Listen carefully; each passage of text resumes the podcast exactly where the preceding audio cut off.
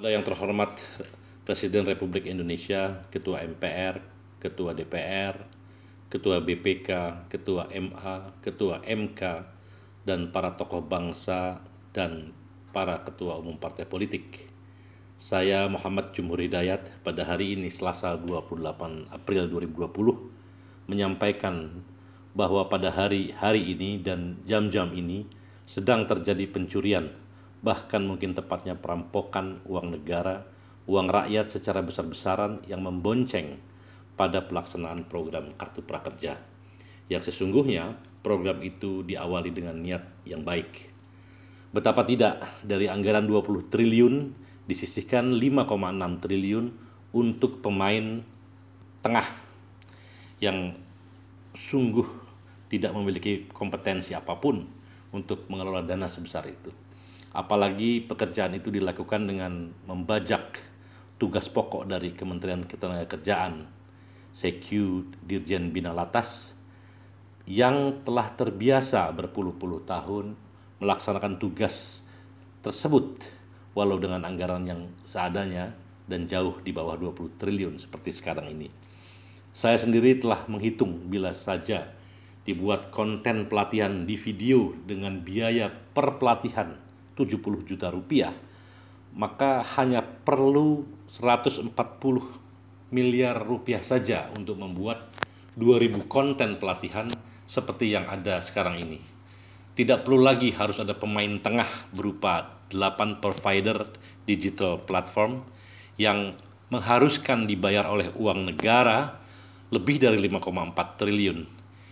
Ini artinya ada keuntungan 40 kali lipat atau 4000 persen yang dinikmati oleh perusahaan platform digital itu.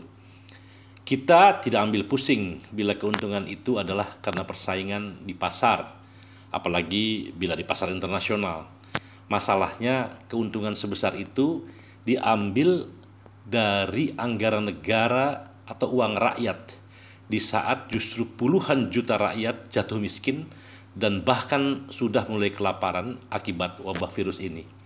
Sungguh ini adalah perbuatan tercela dari jajaran pelaksana di bawah presiden dan karena itu presiden harus segera menghentikan cara yang vulgar dan ugal-ugalan dalam merampok uang negara ini.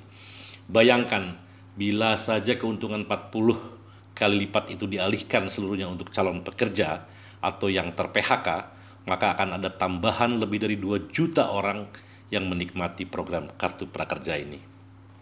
Presiden para ketua lembaga tinggi negara, tokoh bangsa, dan ketua umum partai politik, sampai saat ini tidak ada lembaga yang lebih kredibel untuk menjalankan program kartu prakerja ini selain Kementerian Ketenagakerjaan.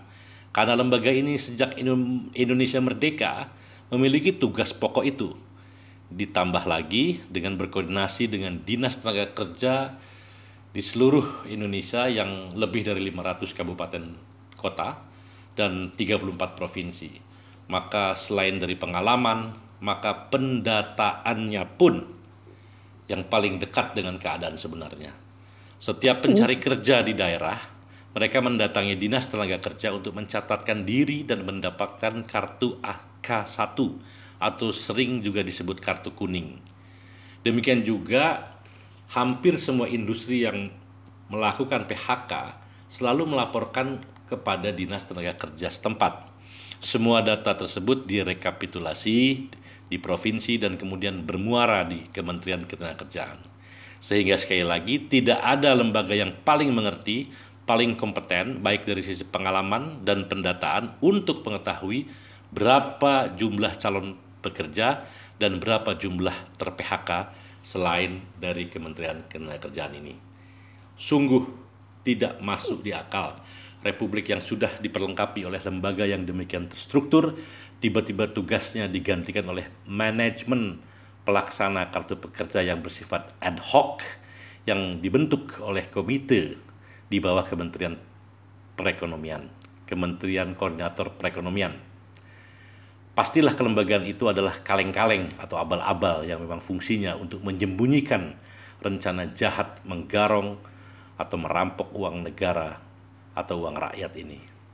Karena itu Sekali lagi, Presiden harus segera menghentikan perbuatan tercela yang dilakukan jajaran di bawahnya ini. Mumpung baru sekitar 166 miliar rupiah dari 5,6 triliun yang dalam proses perampokan. Presiden masih bisa menyelamatkan uang rakyat karena perampokan itu sangat telanjang dan kasat mata. Kemudian, berikan saja uang rakyat itu atau uang negara itu kepada lebih dari 2 juta orang pencari kerja dan ter-PHK yang memang merekalah yang sesungguhnya berhak mendapatkannya. Pada hemat saya, bila presiden tidak menghentikan perbuatan tercela ini, maka artinya presiden merestui perbuatan tercela jajaran di bawahnya tersebut. Padahal presiden memiliki segala kekuasaan untuk menghentikannya. Bila ini terjadi, maka artinya presiden pun melakukan perbuatan tercela. Saya pertaruhkan kredibilitas, profesionalisme, dan idealisme saya dan mendesak perbuatan tercela ini segera dihentikan dan uang triliunan tersebut dialihkan dan diberikan kepada rakyat yang berhak yang memang sangat membutuhkan di tengah wabah virus corona ini. Terima kasih. Billahi fisabilil haq. Wassalamualaikum warahmatullahi wabarakatuh.